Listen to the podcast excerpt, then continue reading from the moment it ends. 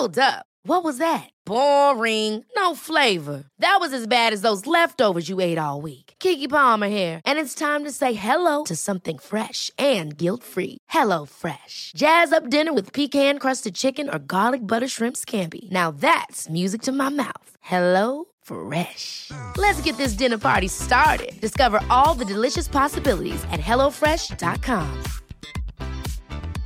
Life is full of awesome what ifs, and some not so much, like unexpected medical costs. That's why United Healthcare provides Health Protector Guard fixed indemnity insurance plans to supplement your primary plan and help manage out of pocket costs. Learn more at uh1.com. Many of us have those stubborn pounds that seem impossible to lose, no matter how good we eat or how hard we work out. My solution is PlushCare.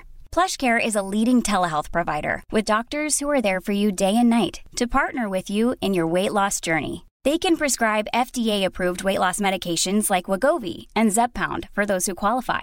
Plus, they accept most insurance plans. To get started, visit plushcare.com slash weight loss. That's plushcare.com slash weight loss.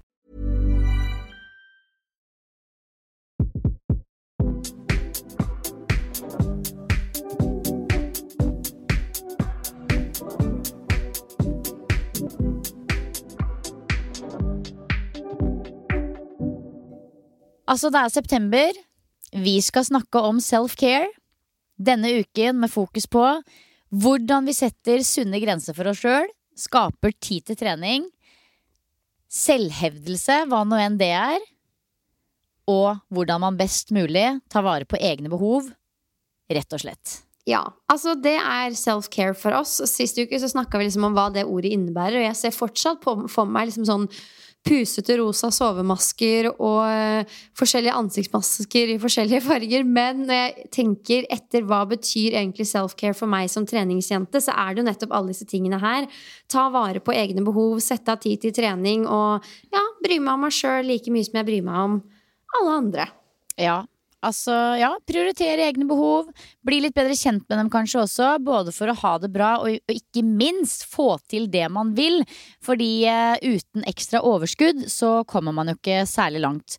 Og det er jo litt klassisk det at vi liksom går uh, over lang tid og undertrykker og nedprioriterer, nedprioriterer våre egne behov. Uh, og det gjør jo at man på sikt vil føle seg veldig sliten, tiltaksløs, demotivert. Og dette her er dritvanskelig, men det er jo likevel uh, mulig med få og kanskje også overraskende enkle verktøy.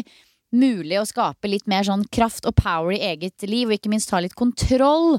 Sånn at du får det overskuddet som du, som du faktisk trenger da, for å kunne liksom følge drømmer, eh, nå mål og ambisjoner og hele den biten der. Absolutt. Så dette her skal vi snakke mer om i dag. Men først så vil jeg, jeg vil bare spørre deg, hva har du trent sist, Silje? Hva besto den økta av? Åh, den dagen her er jo helt sjuk, så det er på en måte bare Dette her er ikke en typisk dag på noe som helst tidspunkt i hele uka noen gang ever. Så okay. i, i, dag har jeg hatt, hold deg fast, fem gruppetimer. What the actual fuck? Ja, jeg vet det. Det bare balla på seg noe så voldsomt. Eh, så det har, gått, eh, det har vært back to back med møter og podkastinnspilling og gruppetimer. Og i dag har jeg vært ute og delt, for å si det sånn. Eh, og jeg tenkte faktisk på det i bilen hjem. Litt sånn herre er det noe som helst måte jeg kan liksom snakke om grensesetting i kombinasjon med denne dagen jeg nå har vært igjennom? Og det er jo faktisk det at nummer én jeg må kanskje bli litt bedre på grensesetting. Og nummer to, det er også samtidig litt gøy å noen ganger bare kjøre på og overbooke litt og kjenne at du lever. Ja, du blir litt sliten der og da, men du kjenner samtidig at Men vet du hva, det går fint, det, for jeg har det overskuddet som skal til for å kunne tåle en skikkelig støyt innimellom. Mm. Eh, så når du spør meg hva trente jeg sist, så er jo det en haug med gruppetrening. Eh, gårsdagen var derimot litt annerledes. Da hadde jeg null gruppetimer og en skikkelig god styrkeøkt. Det vil si god og god. Altså, den var den var helt grei. Men det er på en måte godt nok, det også. jeg liker det. Og da, du følger opp program nå. Målet er fortsatt litt muscleups. Og ja, du henger i stroppen og gjør så godt du kan, i tillegg til alt mulig annet du holder på med om dagen. Ja, jeg skal ta litt sånn status på det muscleup-prosjektet. Jeg må ærlig innrømme, jeg blir så jeg skal, jeg, ja, jeg blir så inspirert av deg og din styrketrening om dagen, men jeg må også liksom ta meg litt i, i nakkeskinnet på å ikke bli misunnelig, fordi det er veldig mye armer og bein og mye som skjer på en gang eh, hos meg om dagen. Og derfor så har det liksom ikke blitt den derre drømmestarten på treningshøsten som jeg egentlig skulle ønske meg. Og idet vi plutselig liksom gikk fra august til september, så var det sånn Men herregud, hva skjedde med den eh, måneden august, liksom? Som egentlig skulle være liksom skikkelig digg sånn kickstart startup-måned. Det har gått helt greit. Jeg har trent helt greit, men det er på ingen måte noe sånn heidundrende uh, verken treningslyst eller resultater uh, å, å, å, sjekke av. Uh, og jeg skal fortelle litt mer seinere i episoden om hvorfor ting er som det er akkurat nå. Men ja, det er liksom Det er på en måte likevel bare å gå og gjøre jobben, gir seg sjøl en klapp på skulderen og vite det at ja, ikke alle økter og alle treningsperioder blir sånn ti av ti. Eh, men du har hatt en ganske lang session på gym i dag, det vet jeg. ja, men den er jo samtidig Jo, den er litt lang. Fordi greia er at nå har jeg den måneden her så har jeg starta på nytt program. Eh, alle vi sterkere har det. Og den første uka på nytt program, da er det alltid litt sånn derre å finne ut av hvor mye, akkurat hvor mye man skal løfte der. Øh, hvor akkurat den og den øvelsen er. Altså, det er bare litt sånn mikking og mekking. I tillegg til at jeg er jo litt somlekopp fordi jeg filmer litt og noterer meg ned ting jeg vil huske å dele. og ja, det er mye som skjer når jeg er på trening. Men jeg hadde en jeg hadde en veldig veldig god styrkeøkt i dag. Jeg har jo kommet ut av den PMS-bobla som jeg var i sist uke. Så det er jo hyggelig at jeg kan få lov til å skinne litt i dag, da. Og, og, og komme positivt ut av det. Altså, jeg angsta litt etter forrige episode. Jeg var sånn For en muggen røy jeg hadde hørtes ut som, liksom. Men eh, det er jo viktig å ikke bare liksom være happy go lucky, men også snakke om det når man føler seg kjip og sliten og det er litt grått. Så ja, jeg står i den. Men man vil jo helst bare være glad hele tida, men det er jo ingen som er det, egentlig. Nei, og det handler jo kanskje på én måte litt innunder det self-care-prosjektet vårt også. Dette med å fremstå som ekte og autentisk i forhold til hvordan man faktisk har det. Fordi vi kan ikke gå rundt og være solstråler 24-7 dag ut og dag inn. Og jeg tror det å være i liksom hormonell ubalanse, det å ha flate dager og være i ræva humør, det er noe alle kan kjenne på. Absolutt alle sammen. Så jeg tror jo egentlig tvert imot at folk syns det er litt digg at uh, du og Pia uh, kan få lov til å være litt sur innimellom. Og du opplevdes på ingen måte som sur, selv om du satt der i en veldig grå genser og var litt sånn derre du var litt flat. Lite engasjert. Hjem, når jeg kom hjem den dagen, så la jeg den genseren i Fretex-posen. Fordi hver gang jeg har den på meg, så tenker jeg sånn Denne her gjør meg ingen tjenester. Den er bare så utrolig grå. Er ikke det veldig fascinerende at på de gråeste dagene hvor man føler seg verre enn verst, så velger man å ta på seg et gigantisk klesplagg som er grått og ikke gjør deg noen tjenester? Jo, men altså, jeg er jo ikke noe fargeklatt i utgangspunktet, så eh, ja. Nei, men akkurat den genseren tenkte jeg at uh, den, den, skal noen andre få lov til å få gleden av. eh, men jeg kom meg ut av det òg. Nå er jeg ute på den andre sida, og altså, det er jo prime time når man er ferdig med både PMS og krokken. Da, nå har jeg to uker for meg med, foran meg med pur glede og masse overskudd. Og det nyter jeg jo da til det fulle. Ja, fordi kan jeg spørre, jeg vet jo at du er jo hakket mer liksom opptatt av dette med syklus og trening enn meg. Men er det sånn nå at du i denne uken, fordi du liksom, det er primetime rett etter mensen og sånn, faktisk setter inn litt ekstra støtet? Legger opp til litt flere sett, litt flere øvelser, bruker mer tid på gymmet? Eller hvordan er det? Ja, jeg liker at jeg, jeg, er litt sånn Jeg vet at jeg kommer til å ha trøkk i kroppen til å orke å gjennomføre alt litt sånn skikkelig. Det er ikke nå det er rom for liksom jeg er fortsatt raus med meg selv, men jeg er nok litt mer sånn piskete. Litt sånn 'du, dette får du til'. For jeg veit at jeg restituerer mye bedre. Jeg tar meg kanskje en ekstra lang gåtur på vei hjem fra barnedagen. Altså, jeg har bare mye større kapasitet. Og det er ikke fordi jeg er så veldig opptatt av det, det er mer bare fordi at nå har jeg sett denne trenden så mye at jeg kan like gjerne liksom jobbe med den framfor å drive og pushe imot. Så mm. nå er det to uker med litt sånn ekstra stå-på-vilje, og så er jeg enda rausere med meg selv da de to ukene før mensen igjen. Uh, og nå som jeg jobber med han ernæringscoachen, så var det også veldig fascinerende å se og legge merke til hvor sykt mye mer sulten jeg var. Um, spiste liksom 200-300 kalorier mer. Ikke at jeg sier noen noe, men jeg hadde en sånn ekstrem oksehunger på kvelden. da det er rett og slett bare fysiologiske ting som skjer. Noen merker det mer enn andre. Og vi har lært nå treningsfaget sier at det kan være smart å jobbe litt med denne syklusen, framfor å liksom kjempe imot og prøve å pushe seg gjennom når man egentlig er litt sliten og kroppen jobber med andre ting, da. Og hvis det er noen der ute som kjenner en ekspert på feltet Vi har jo hatt en egen episode om trening, syklus eh, tidligere også, med Melina Magula, som blei en knallbra episode.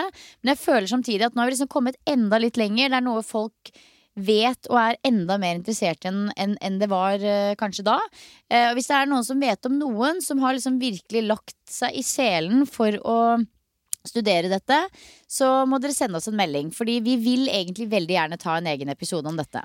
Absolutt, men så er det viktig å understreke at det er jo et litt sånn grumsete område, for det er veldig individuelt. Og det er ikke sånn Altså det kan jo fort bli en hvilepute. Ikke at jeg mistenker at så veldig mange av oss bruker det som en hvilepute, men altså sånn Du skal ikke legge altfor mye i det heller. Og man har sett i forskning og blant idrettsutøvere at eh, selv om skaderisikoen er høyere, og du kanskje føler deg litt svakere liksom, Hvis liksom det virkelig gjelder, så presterer vi like godt.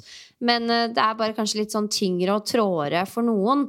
Uh, og det her med skaderisiko er også ganske interessant, for jeg føler det her er bare min subjektive opplevelse. Jeg er mye mer sånn utsatt for vondter og plager og stivheter i uka opp mot mens kontra etterpå.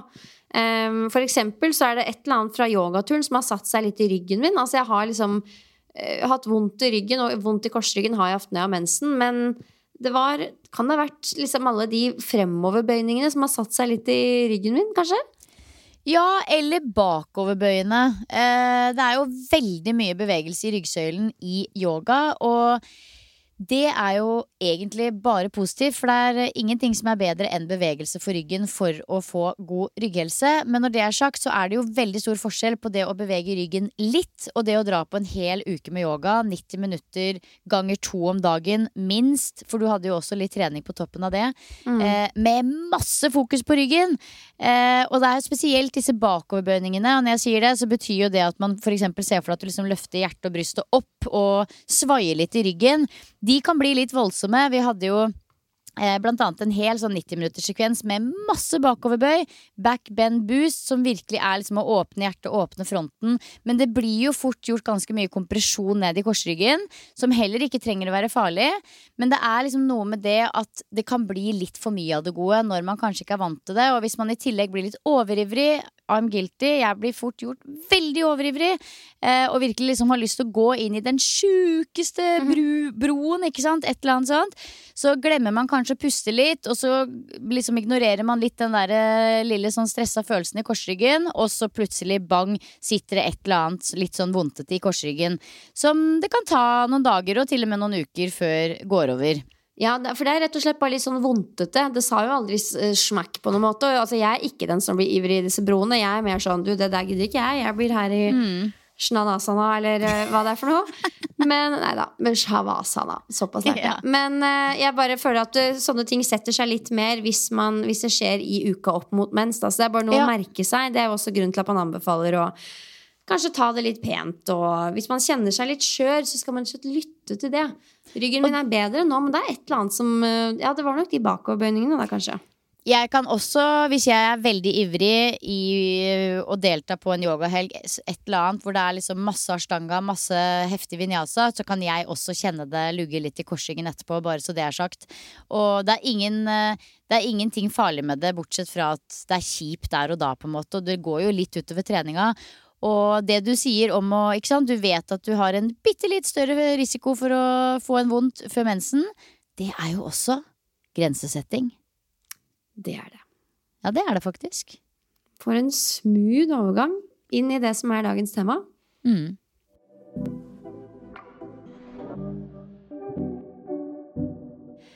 Ah, altså, i dagens episode så skal vi prøve å skape en liten oversikt over hvordan du som lytter, og hvordan deg og meg, Pia, kan få en, ja, en god oversikt over hvor mye du tåler, hva du trenger, og hvordan du kan kommunisere dette til omverdenen, og ikke minst deg selv.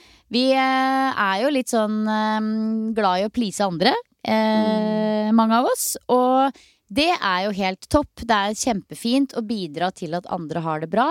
Men det er jo også veldig viktig, og bør være en selvfølgelig prioritet, at vi også gir oss sjøl det vi har behov for for å ha det bra. Absolutt. Å slutte å vente på at eh, Jeg sier ikke at vi gjør det, men å slutte å vente på at liksom noen andre skal se oss og, og, gi oss det vi trenger, men heller ta litt ansvar for det selv, da. Og det er egentlig helt sjukt random, men Mariann Deila har jo skrevet en ny bok. Eh, hun er jo en som jeg tok mental trenerutdannelse sammen med, og hun er vel fra samme sted som deg? Mm, Skiensdame. Var det sånn at dere var på party sammen når dere var fjortiser, liksom? Nei, jeg tror Jeg tror Mariann Deila er litt eldre enn meg. Eller jeg, visste det innerst inne. Liksom Eller Men but still, du kan jo fortsatt henge på party med de som er jo. både 5 og 10 og 20 og 30 Absolutt. år. Absolutt. Men jeg visste ikke hvem Mariann Deila var før jeg flytta til Oslo. Ikke sant, leseren. Anywho, hun er en helt rå, grepa dame. Utdannet journalist, vært i politiet og har jo de siste åra um, hevda seg ganske bra innen mental trening. Og dette er vel hennes liksom, tredje eller fjerde bok. Anywho, den heter Robust og handler om dette her eh, å, å, å, tilegne seg en robust selvfølelse der man har kontakt innover samtidig som du er oppmerksom utover. Så den handler egentlig om veldig mye av det vi skal snakke om i dag. Eh, anbefaler virkelig den boka hvis du får litt sånn blod på tann eh, når du hører denne episoden.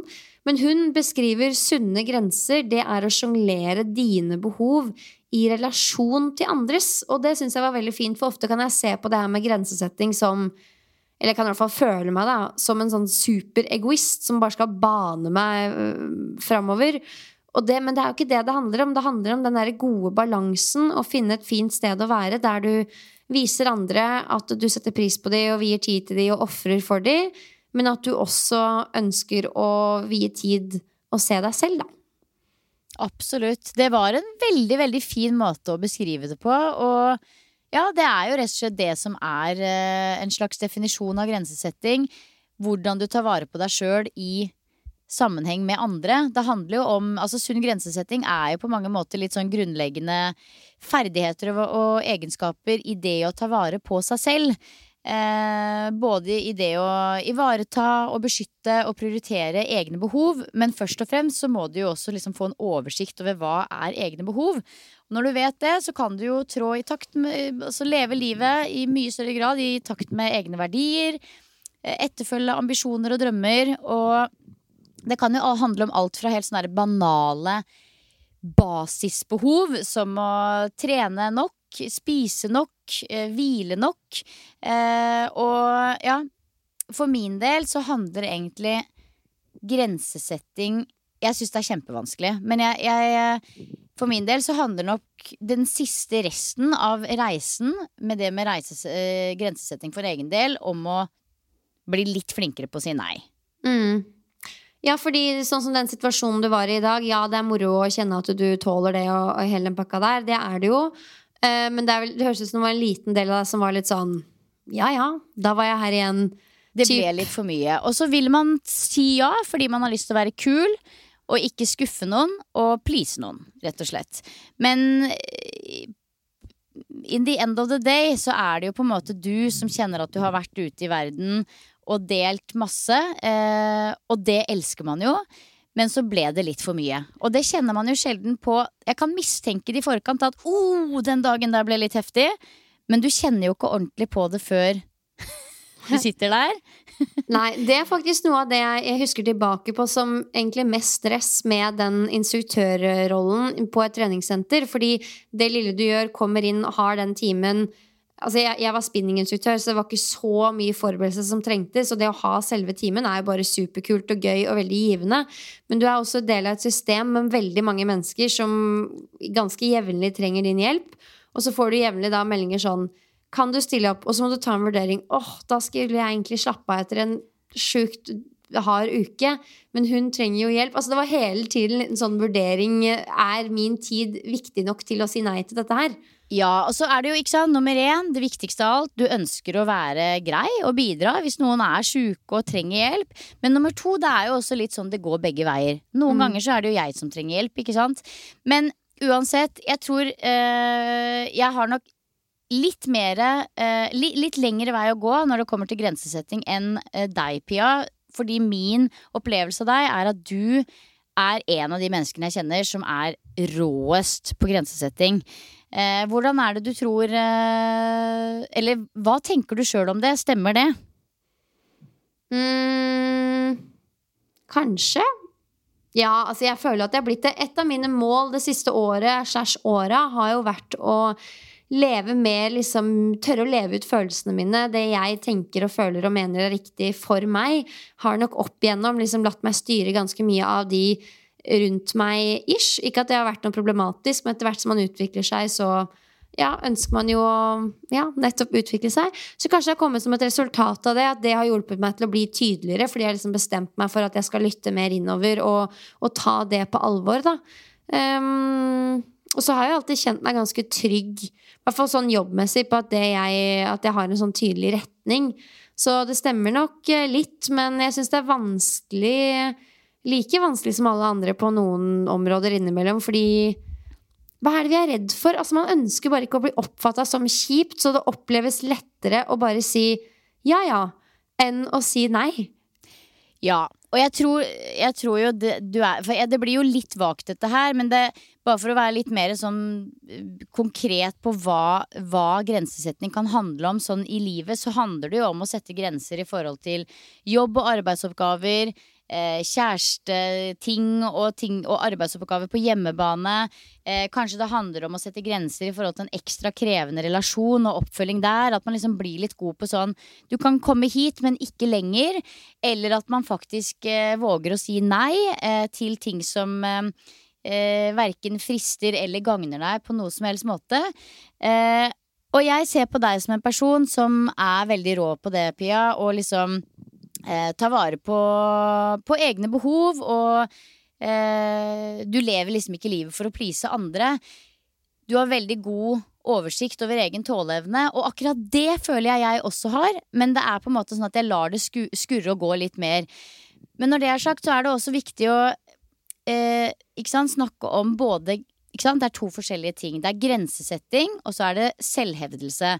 Jeg føler selv at jeg er ganske sånn medium på skala når det gjelder grensesetting. Har mye å gå på der. Men jeg er ganske rå på det som går på selvhevdelse. Og i det grensesetting kanskje handler om å ja, for eksempel si mer nei, så handler selvhevdelse om å mer aktivt oppsøke ting som er oppbyggende for å prioritere egne behov, ønsker, drømmer, ambisjoner osv. Så, videre. så det handler jo om å trå med egne i, i, i, um, Handle i tråd med egne verdier, det også, men det handler om en mer sånn aktiv innstilling der du søker deg mot noe. Og det gjør jeg jo sykt mye! det gjør du. Det skal det du ha. gjør jeg sykt mye.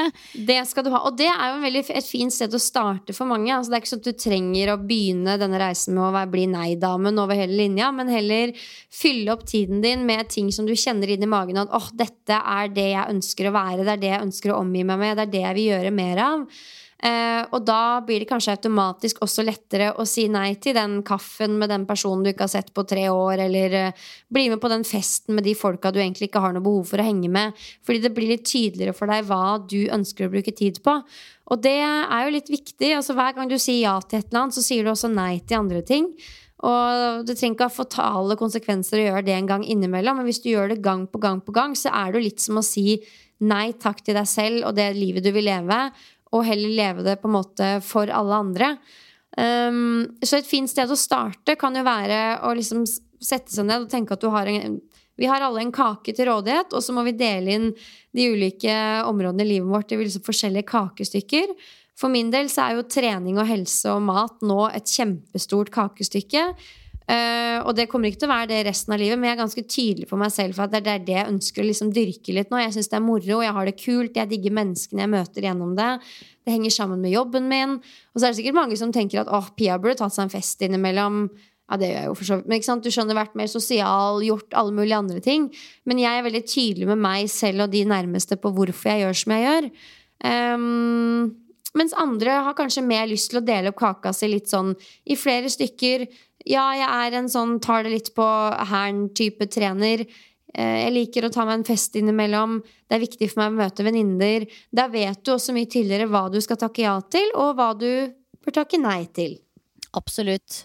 Jeg er nok litt mer den kake nummer to der. Jeg vil på en måte både få til uh, trening og helseliv. Eh, og ha mye tid med familie, men gjerne òg ta meg en fest og møte venninner. Og da blir jo automatisk, eh, ikke sant, det blir eh, flere arenaer å fordele tiden sin på. For det er jo det det handler om. Det er et regnestykke som skal gå opp. Du har bare liksom en viss kvote med tid, det er én ting, men du har også bare en viss kvote med overskudd og ressurser. Så ja. Nei, jeg, eh, jeg føler jo at jeg i absolutt eh, aller største grad, eh, så godt som jeg kunne gjort, eh, er veldig fremoverlent i det å oppsøke aktivt de tingene som er oppbyggende og som gir meg overskudd og boost. Men det er allikevel noen ganger litt sånn at jeg kjenner sånn Akkurat her burde jeg kanskje sagt nei, men jeg sa ja likevel. Ja. Og det, det tenker jeg er greit innimellom, men eh, det, er, det er jo også spesielt, fordi jeg har, jeg, det er jo ingenting jeg elsker så mye som tydelige mennesker. Altså, de folka som på en måte er tydelige og rett fram, de er ekte og enkle å forholde seg til. Jeg veit hvor jeg har dem. Jeg blir aldri, aldri fornærma av dem, fordi jeg respekterer at de er sånn. Og jeg respekterer og aksepterer automatisk deres grenser, og så er det likevel da veldig, veldig vanskelig å, å liksom respektere mine egne grenser og sette dem like høyt. Og det er jo Mm. egentlig helt tullete. Hvis jeg eh, Hvis du sender meg en melding da og spør Hei, skal vi ta en kaffe i morgen? Ja, det hadde du aldri gjort, Fordi vi vet at det hadde jo aldri passa. Nei. Ehm, men ikke sant, vi sett at du gjorde det, da. Og så svarte jeg nei. Eller nei, det passer ikke. Da hadde du syntes jeg var Hva hadde du tenkt da? Nei, da hadde jeg tenkt det passer sikkert ikke, da. Da får hun ta opp tråden neste gang. Mens du hadde jo hatt et behov for å føle jeg skrive, og jeg hadde også hatt det, skrive en lang avhandling om hvorfor ikke. Herregud, så Ja. koselig. Jeg følger opp med deg Og, og gjerne følge opp med en ny dato på en annen kaffedate. Ah, ja. Nei da, det er mange sånne ting som på en måte man kunne vært bedre på. Så handler, men så er det liksom den der fine balansen om at ja, du skal, du skal være, grensesettende, og du skal sette egne behov først, men du skal jo også være et medmenneske. Hva om denne personen trenger å prate litt? Det er på en måte Det er veldig Jeg syns den er litt vanskelig, altså.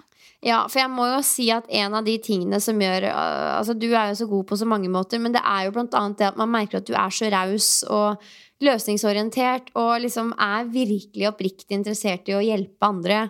Øh, når man har et problem, altså enten det er podkastinnspilling eller man trenger å prate. Og det er jo også en veldig fin egenskap. Vi vil jo ikke at vi skal gå rundt og være liksom sånn superegoister heller. Så det er det å finne den balansen og bli god på å balansere egne behov opp mot andre. Så da er jo vårt første forslag at du starter med denne kaka. Prøv å se litt på hva som er viktig for deg, og hva du ønsker å bruke tida di på. Sånn at du på en måte har etablert et sånn slags eh, kompass og navigasjonssystem. Um, og andre tipset blir jo liksom å la seg inspirere av Silje og liksom være en selvhevder. Oppsøke de tingene som du vil bruke tid på. Eksempel etter at vi var på yogatur, så kjente jeg at jeg har lyst til å få inn litt mer yoga, så jeg har booka meg inn på en yogatime på torsdag klokka seks. Og da er det enklere å si nei til andre ting som jeg kanskje ikke har like lyst til å gjøre. At du er litt sånn i forkant på den måten, kanskje. Ja, jeg tror jo absolutt på det å være i forkant når det kommer til Vi er jo alle enige om at eh, ikke sant? vi hører på treningspodden. Noe veldig mange har lyst til som hører på treningspodden, er jo å ha nok, til, nok tid til å trene, gå på yoga, gjøre ting som liksom dyrker den helsebiten av deg. Og for å få til det i et travelt liv, så må du være grensesettende både når det kommer til arbeidsoppgaver på hjemmebane, det tredje skiftet og dette med å være tilgjengelig 24-7 på arbeidsplassen, for å si det sånn. Eh, Så et sted man også kan begynne, er jo litt sånn dette tredje skiftet. Hvordan er fordelingen her? Hvordan kan man liksom bake inn på hjemmebane og prioritere trening som den største selvfølge både for deg selv og omgivelsene? Og fordi denne tidsklemma er reelt, en reell utfordring for alle sammen, og kanskje litt spesielt når man har eh, ett og to og flere barn og alt mulig. Eh, og da må det bli et fellesprosjekt, at alle på hjemmebane får det sånn som de ønsker. Altså Jeg kan eksempel ta mandagen vår i går som eksempel, der eh, Ikke sant? Mann kom hjem fra, fra jobb da barna kom hjem fra skole. Da tok han liksom leksehjelp og den biten der, mens jeg var på gymmet. Så kom jeg hjem, overtok unger og middagslaging, mens han tok seg en tur ut på suppbrettet og fikk padla litt. Og på den måten så fikk vi liksom brukt de to timene på ettermiddagen ganske smart. I form av at han fikk vært ute og padla og gjort sine ting, jeg fikk vært på treningssenteret og gjort mine ting. Og så fikk vi samtidig gjort alt vi trengte hjemme, med leksehjelp og matlaging, før vi kunne sette oss ned, senke skuldrene og move on to the next. Og det er så klassisk tilfelle der at, ikke sant Kanskje man bare kommer hjem fra jobb, og så har man egentlig litt lyst til å få trene, og mannen har kanskje egentlig lyst til å ut og padle, men så bare blir man susende rundt hjemme, og så er det liksom to stykker som skal gå, stå og kutte grønnsaker, og to stykker som skal hjelpe til med leksene, og litt grann, eh, kanskje vaske litt klær på toppen av det hele, og så er det bare to stykker som bare suller rundt og gjør litt sånn halvveis arbeidsoppgave på hjemmebane, når man egentlig kunne vært ute og dyrka egne behov. ja. Og det tror jeg man kun klarer å få til hvis man organiserer det godt i forkant og er tydelig i kommunikasjonen. Ja, og det handler også om å la nesten å åpne seg mer og la partner bli litt mer kjent med deg. Altså virkelig være tydelig på hva du trenger. Nå snakker vi om trening, men jeg tenker at det også er nyttig med tanke på andre ting. Jeg trenger at du møter meg på denne måten. Jeg trenger at du hører på meg når jeg er lei meg. Altså alle mulige sånne ting. Ha, ha som mål å være tydelig, da. Eh, så det tenker jeg er kjempeviktig. Kommunikasjon på hjemmebane. Eh, og men vet du hva, som jeg også har lyst til å nevne litt sånn avslutningsvis, grensesetting overfor arbeidsgiver og kollegaer. Det tror jeg er en stor, stor greie. Vi snakker om at vi ikke har tid, og for all del, jeg vet at det er vanskelig, men jeg tror mange har mye å hente på å tenke litt igjennom hvor mye av tiden og kapasiteten din du egentlig vier til arbeidsgiver. Kanskje vi kan bli litt råere på å lokke PC-en liksom en time tidligere, selv om du har en lang to do-liste fortsatt, men akseptere at det må jeg ta i morgen. For nå kaller mitt indre jeg. Jeg må dyrke meg, sånn at jeg kan møte opp også i morgen og være god. da. Eh, for vi, det, er en slags kred å bare bjuda, bjuda, bjuda på på jobben. Og jo mer produktiv du er, jo kjappere du løper, jo bedre er du. Um, Og jeg, ja, vet du hva? Så sykt enig. Og jeg må bare si at jeg i større og større grad ser på det som et ledd i det å være ekstremt profesjonell når jeg legger merke til, for det har jeg begynt å legge merke til, at mange personer sender meg mail nøyaktig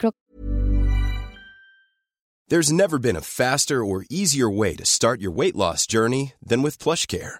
PlushCare accepts most insurance plans and gives you online access to board-certified physicians who can prescribe FDA-approved weight loss medications like Wigovi and Zepbound for those who qualify.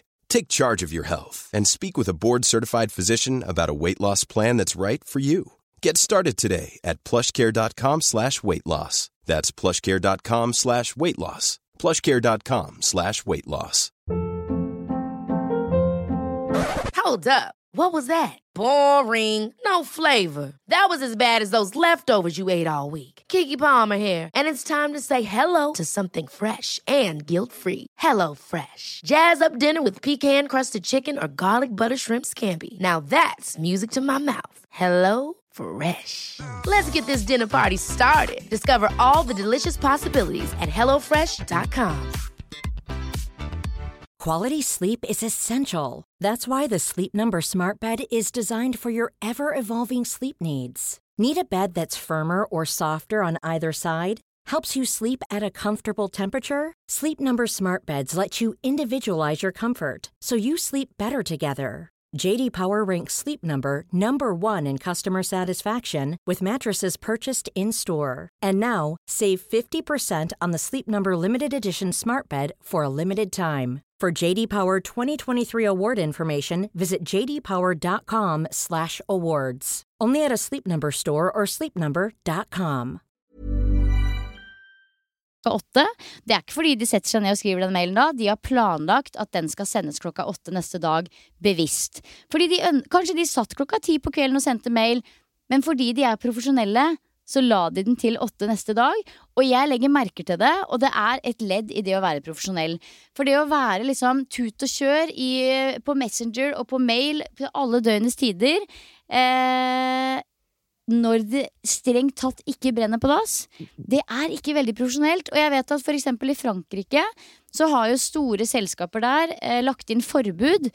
Eh, slik at ledere rett og slett ikke har lov til å sende sine ansatte mail eh, på utsiden av arbeidstid.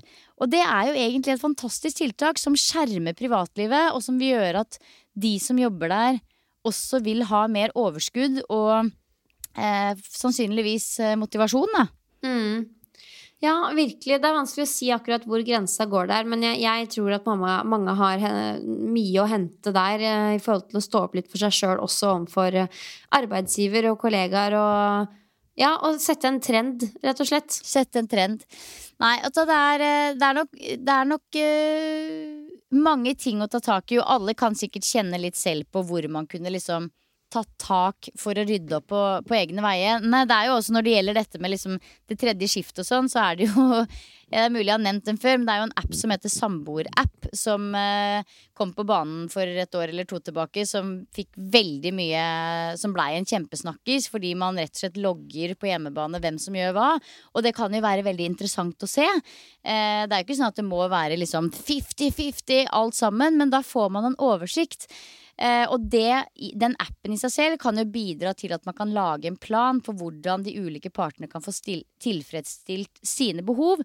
Kanskje det eneste man har behov for, er to timer til trening i uka og ut og møte venninner en gang i måneden. Hvis du skjønner. Det burde være mulig å få til, da. Ehm, så ja, og jeg tror eh, Jeg tror kanskje det er, det er Det ligger mye der, vet du. Den eh, tydelige kommunikasjonen. I know. Det gjør det. Så ja. Bli kjent med egne verdier og egne behov. Husk at dine behov er like viktige som andres behov. Bli bevisst på litt sånn hvordan du snakker til deg sjøl, og øv deg på å tenke at du fortjener det som er best for deg. Og gjør deg selv og omgivelsene klar over hva du trenger. Lag en plan sammen. Tydelig kommunikasjon. Det kan være f.eks. å bare si 'jeg trenger alenetid'. Eller 'jeg må få trent mer, for da smiler jeg mer og blir mye hyggeligere når jeg kommer hjem'. Mm. Og ha orden på kaka di. Ha orden på kaka di.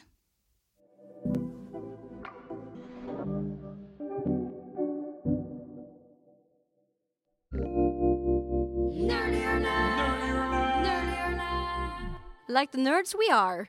Ah, denne ukens nerdhjørne. Jeg Ja. gir ordet til deg. Nerdhjørnet. Vi elsker nerdhjørnet. Eh, sist uka så snakka jo vi om gode morgenrutiner, men vi rakk liksom aldri helt innom treninga. Og det tror jeg mange savna. Vi nevnte vel kanskje også litt sånn innledningsvis at eh, vi skulle komme inn på det, og så gjorde vi det ikke. So we're doing it now. Jeg tenkte det var supert å etablere noen sannheter rundt dette her once and for all. Kan hende det er gammelt nytt for mange, men eh, vi skal ikke alltid lære det noe nytt, vet du. Vi må også minne dere på det som er viktig. Så hva som er den optimale tiden på døgnet å trene for deg, det avhenger av ulike faktorer, men i aller størst grad noe som heter biorytmen din. Altså når du er vant til å legge deg og stå opp, samt hva kroppen din er vant til. Eh, Men ulike mennesker kan ha ulik biorytme. Kanskje i enda større grad er vi ulike typer som mennesker.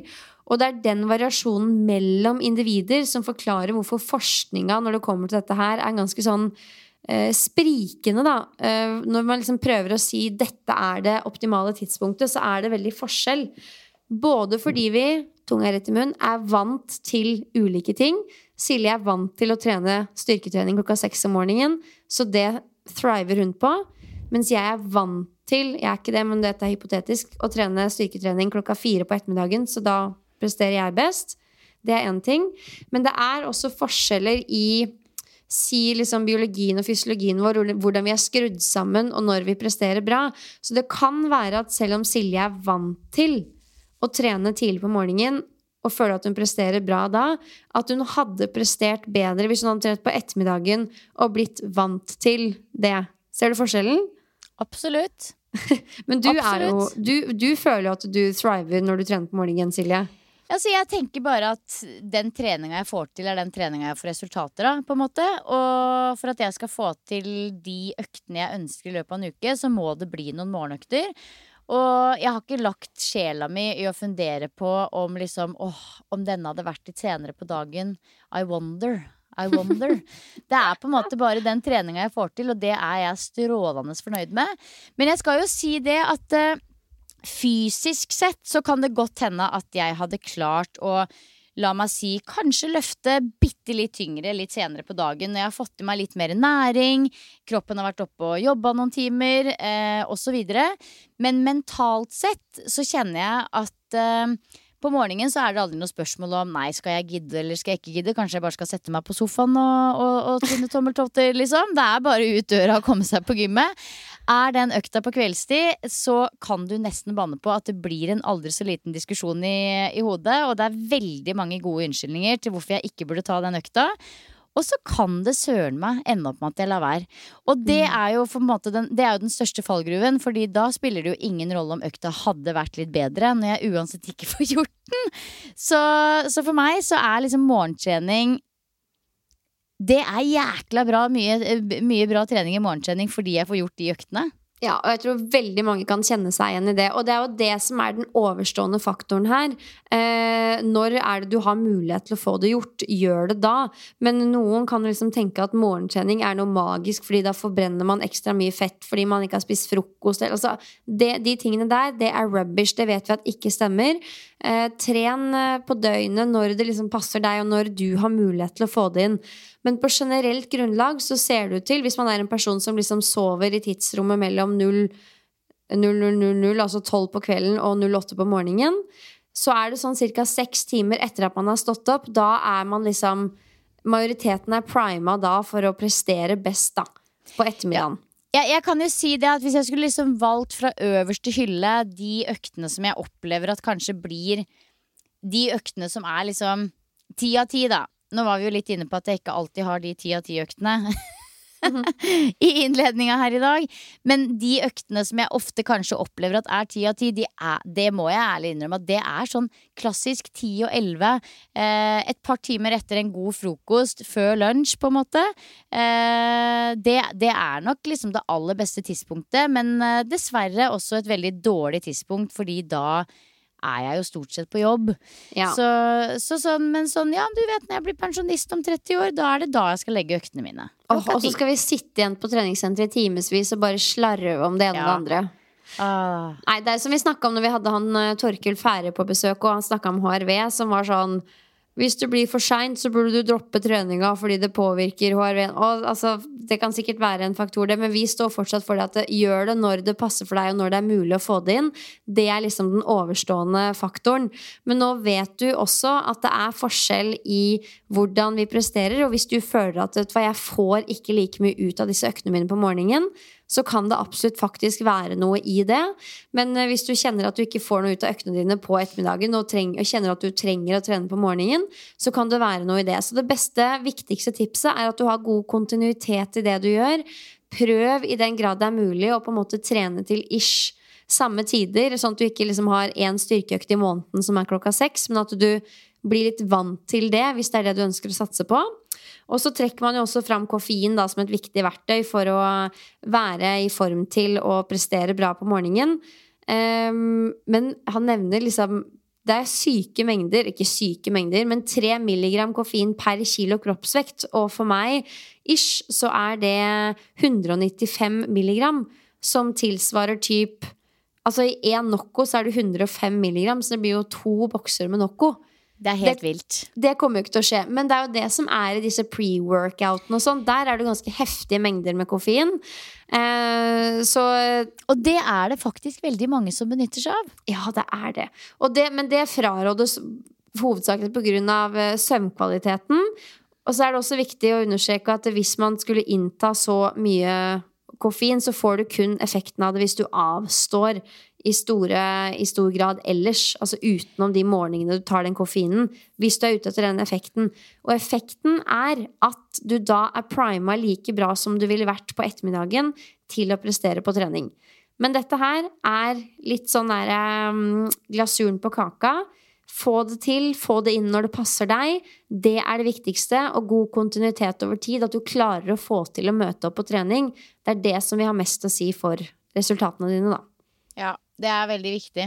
Um, altså, den kaffemengden, det er jo helt vilt.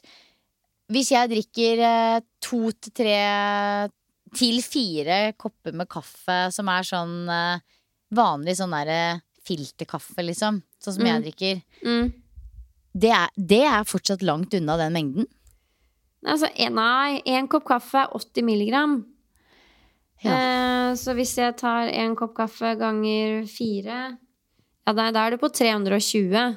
Ok, ja, for jeg kan jo Jeg kan faktisk finne på å drikke så mye kaffe, nemlig.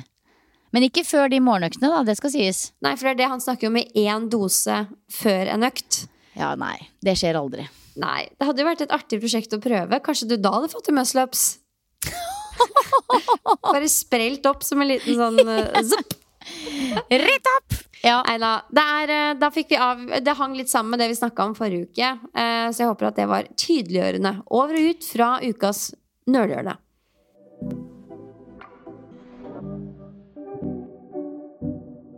Vi skal runde av med ukas boost. Det er en spalte vi er veldig veldig glad i.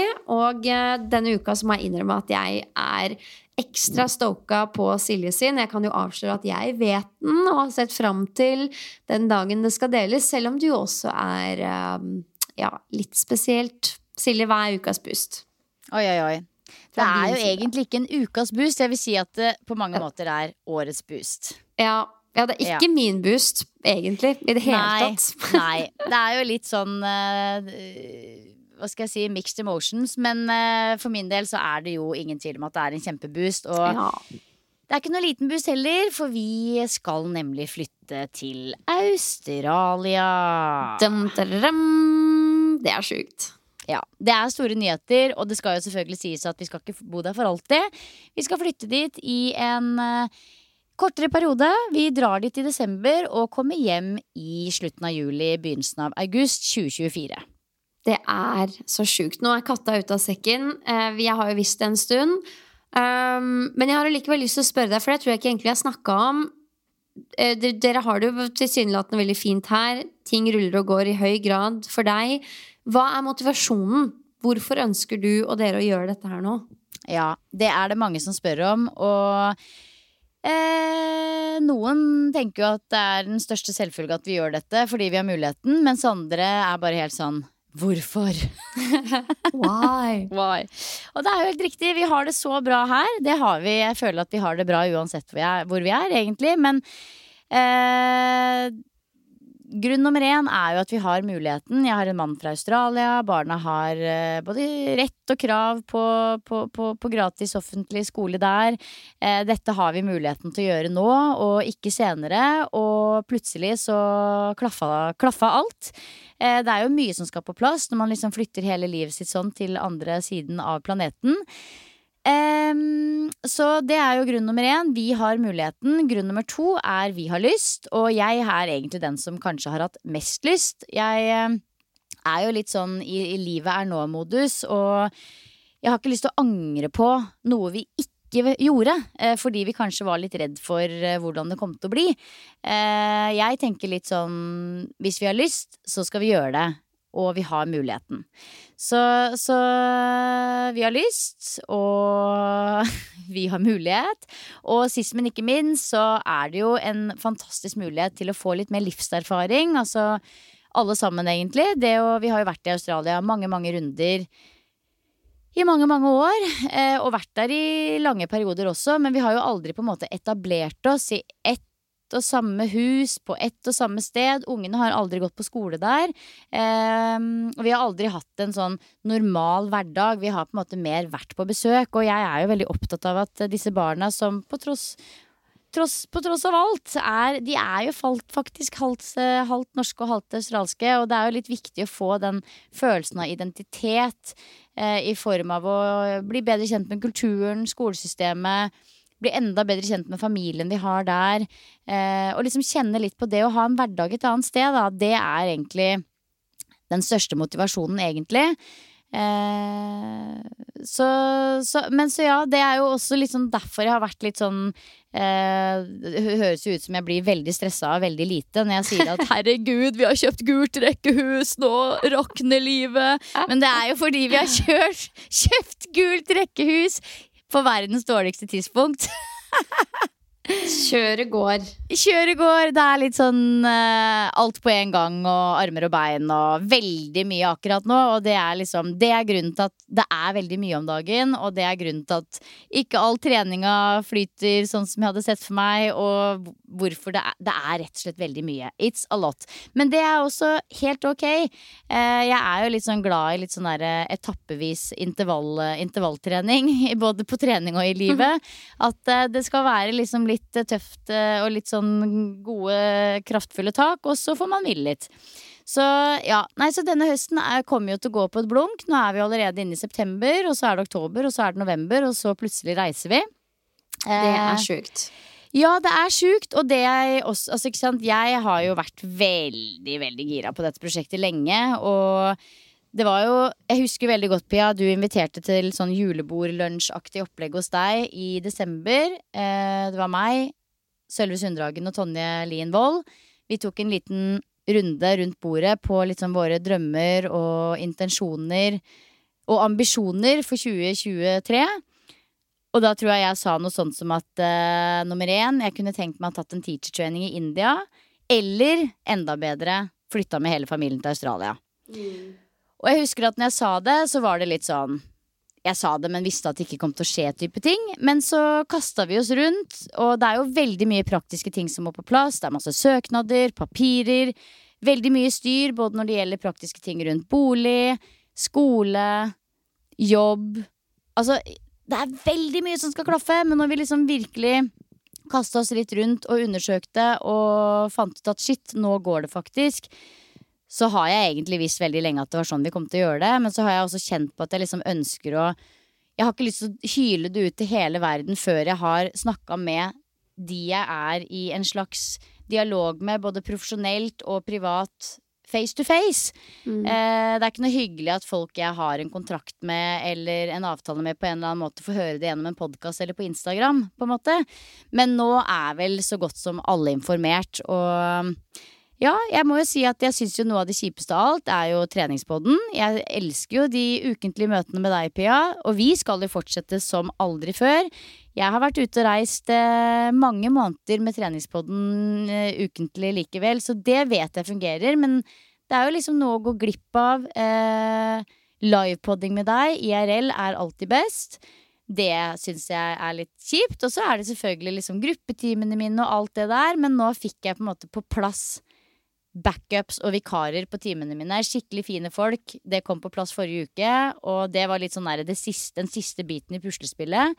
Så nå nå er, vi, nå er vi der. Nå er alt set og good to go, liksom.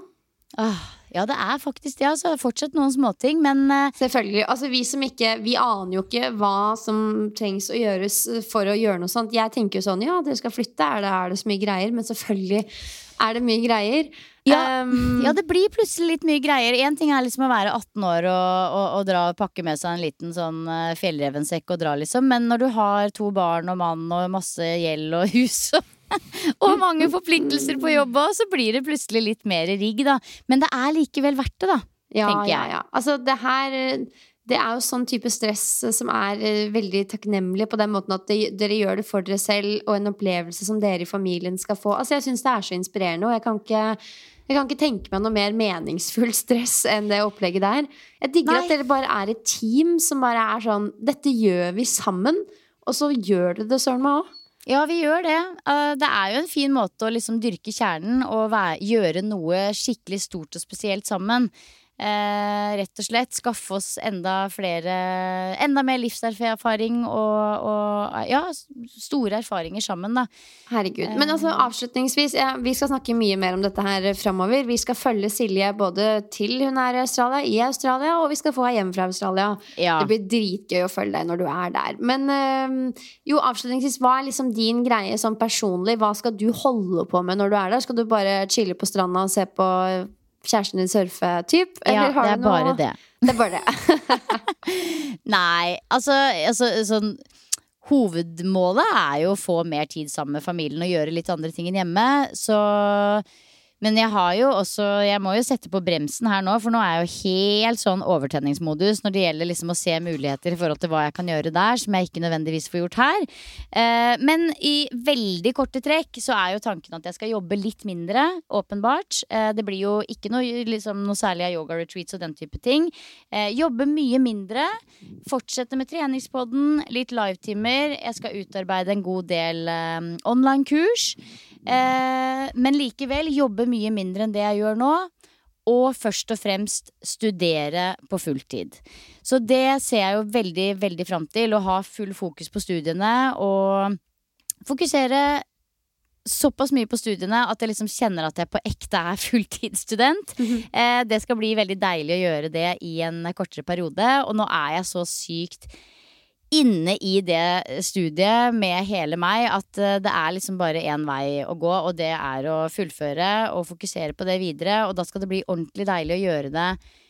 Ha litt mer, litt mer tid til rådighet, rett og slett. Så i korte trekk jobbe litt mindre, studere litt mer, eh, men også prøve å faktisk over hele linja gjøre litt mindre. Mm. Ja. Wow. Masse yoga, da. Masse yoga. Selvfølgelig, selvfølgelig masse yoga. Men liksom mer av de tingene som gjør deg glad. Og jeg føler dere er også inspirerende, eller, og du, i den måten at du ser ikke liksom nødvendigvis det som mål bare å tjene mer penger, men det er nesten så du ser på tid som penger. Altså sånn, og jeg syns det er veldig inspirerende. På et eller annet tidspunkt, altså Man trenger jo ikke så, sykt mye penger, egentlig. Det man ønsker, er jo tid sammen, opplevelser sammen. Det er jo det som er den valutaen vi burde styre etter sånn egentlig. Ja, og, og det, det, det, det er jo eh, sånn vi også tenker. At liksom livet er nå. Barna er gira på å henge med oss nå. Nå må vi liksom juse ut alle muligheter og øyeblikk sammen. Eh, og vi har denne muligheten. Men når det er sagt, jeg kan fort gjort la meg litt rive, eh, bli litt rive med også. Nå er jeg i en prosess hvor jeg støtt og stadig takker nei til oppdrag eh, i 2024. Og jeg syns det er drittøft. Både den FOMO-delen av meg som har lyst til å være med på alt, syns det er vanskelig, men også liksom bare å se at pengene renner ut av hendene på deg, på en måte. Det økonomiske eh, det er ikke, Dette er ikke et smart trekk når det gjelder å tenke økonomi eh, og fornuft, sånn egentlig. Men samtidig så er det jo en kort periode i livet. Vi skal være borte i syv måneder.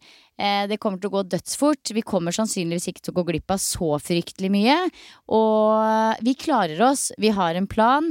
Og jeg tror at vi kommer til å se tilbake på dette her som en sånn fy søren, jeg er glad vi hoppa i det og gjorde det. Mm. Håper og tror det, da. Ja, ja, ja. Nei, det der blir, det blir helt konge, ass. Ja, det gjør det. Og igjen, kjempeviktig å presisere at treningspodden den skal fortsette å leve videre i aller høyeste grad. Det blir jo et, uh, en høydare for meg å sitte og se på deg gjennom skjermen uke etter uke. Uh. Blei, blir bare bleikere og bleikere for hver eneste episode, mens du bare blir eh, mer og mer tan. Uh, ja. Nei, det er litt rart å si det høyt, altså. Det er det. Men det er jo samtidig noe jeg og veldig mange du har visst det. Og de rundt meg, enten profesjonelt eller personlig, har jo visst om det nå i så godt som et halvt år. Så Mm. dette er jo egentlig på ingen måte store Så det er store nyheter, men det er ikke nye nyheter. Eh, men det er, det er den veien vi skal, ja. Det er det. Ja, det blir spennende. For en boost. Jeg er jo selvfølgelig sinnssykt glad på deres vegne og dine vegne. Litt eh, trist òg, men eh, altså, mest av alt bare sinnssykt kult og inspirerende. Ja, det blir eh, nok prat om det utover, folkens. Don't you worry. Men eh, Pia, du har jo også en ukas boost, og det er jo kanskje på en sånn mer sånn ekte ukas boost, ikke årets boost. Ja, altså, jeg føler at alt eh, liksom kommer litt i kort når du kommer med de greiene der. Men uh, her i Drammen så har det vært Drammen halvmaraton. Og jeg er jo ikke liksom i løpemodus om dagen, så jeg deltok ikke eller noe. Men jeg uh, så jo på masse spreke løpere, og det var et veldig vellykka arrangement. Og i forbindelse med det så ble det også arrangert barneløp på Marienlyst stadion her i Drammen. Og det var en altså Mini han er jo nå snart fire, og han var med da i dette barneløpet. Og det var bare så utrolig fint å se både han og en haug med andre kids som liksom holdt på å si løp for livet, og bare Du så i øya på dem at dette var viktig, det var gøy, de var redde, det var liksom Ja. mye følelser i sving. Jeg sto der og grein og tok bilder, og man er jo så klisjé. Åh. Men eh, det var bare så boost å se det. Altså å se hvordan idrettsglede og treningsglede forhåpentligvis blir født. Og jeg vet ikke, ja, det var bare veldig inspirerende og fint, og en sånn ekte hjerteboost sånn Ja. langt inn i hjertet, hvis du skjønner. Det er ingenting som er så rørende som barn og idrett. Det er ikke det. Eh, Jeg var også så en fotballkamp som sønnen min spilte i går, og jeg så ikke og grein, jeg også, men man blir bare helt sånn Du bare merker at det er, det er hele følelsesspekteret, liksom. Det er latter og mestringsfølelse, og det er skuffelse og sorg. Det er sinne. Det er så utrolig mye følelser.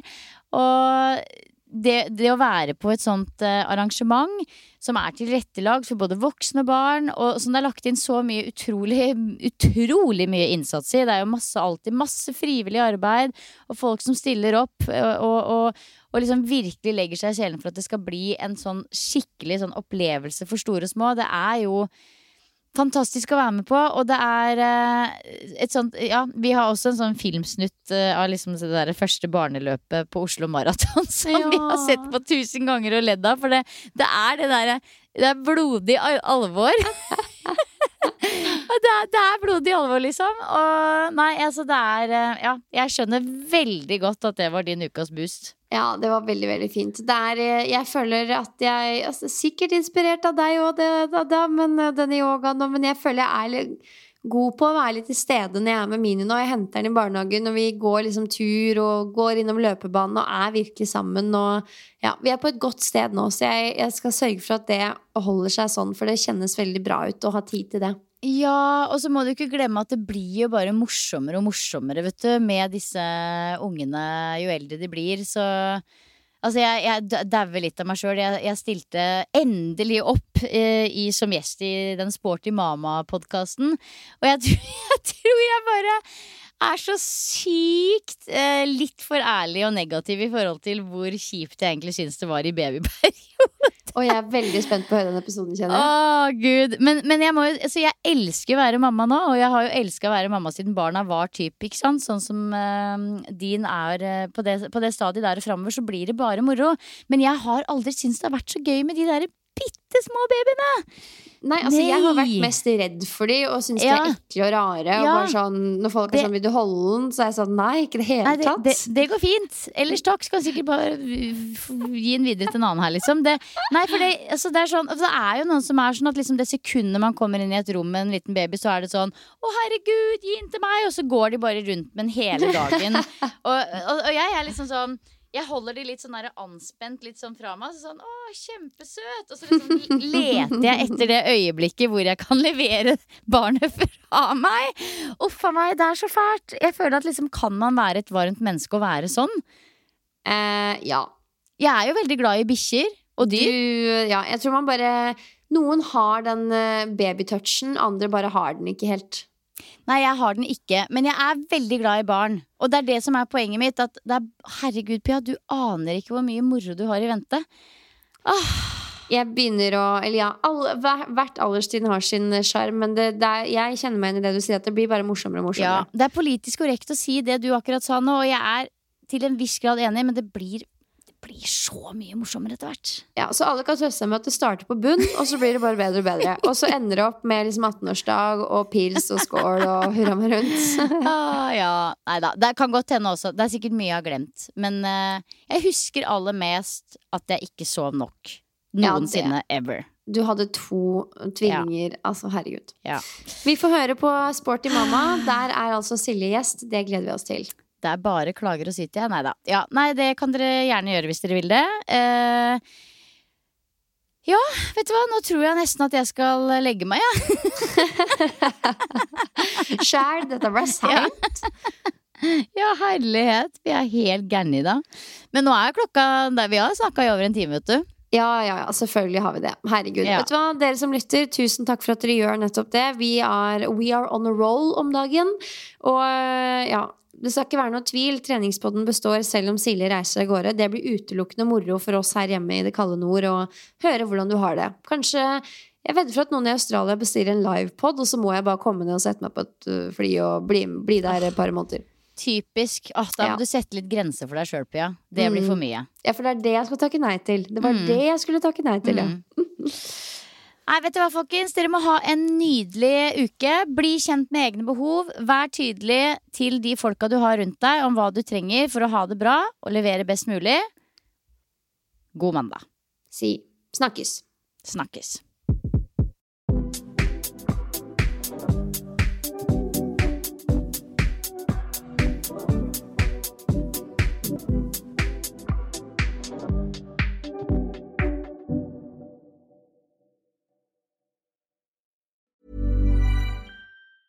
Ever catch yourself eating the same flavorless dinner three days in a row? Dreaming of something better? Well, HelloFresh is your guilt free dream come true, baby. It's me, Gigi Palmer. Let's wake up those taste buds with hot, juicy pecan crusted chicken or garlic butter shrimp scampi. Mm. Hello Fresh. Stop dreaming of all the delicious possibilities and dig in at HelloFresh.com. Let's get this dinner party started.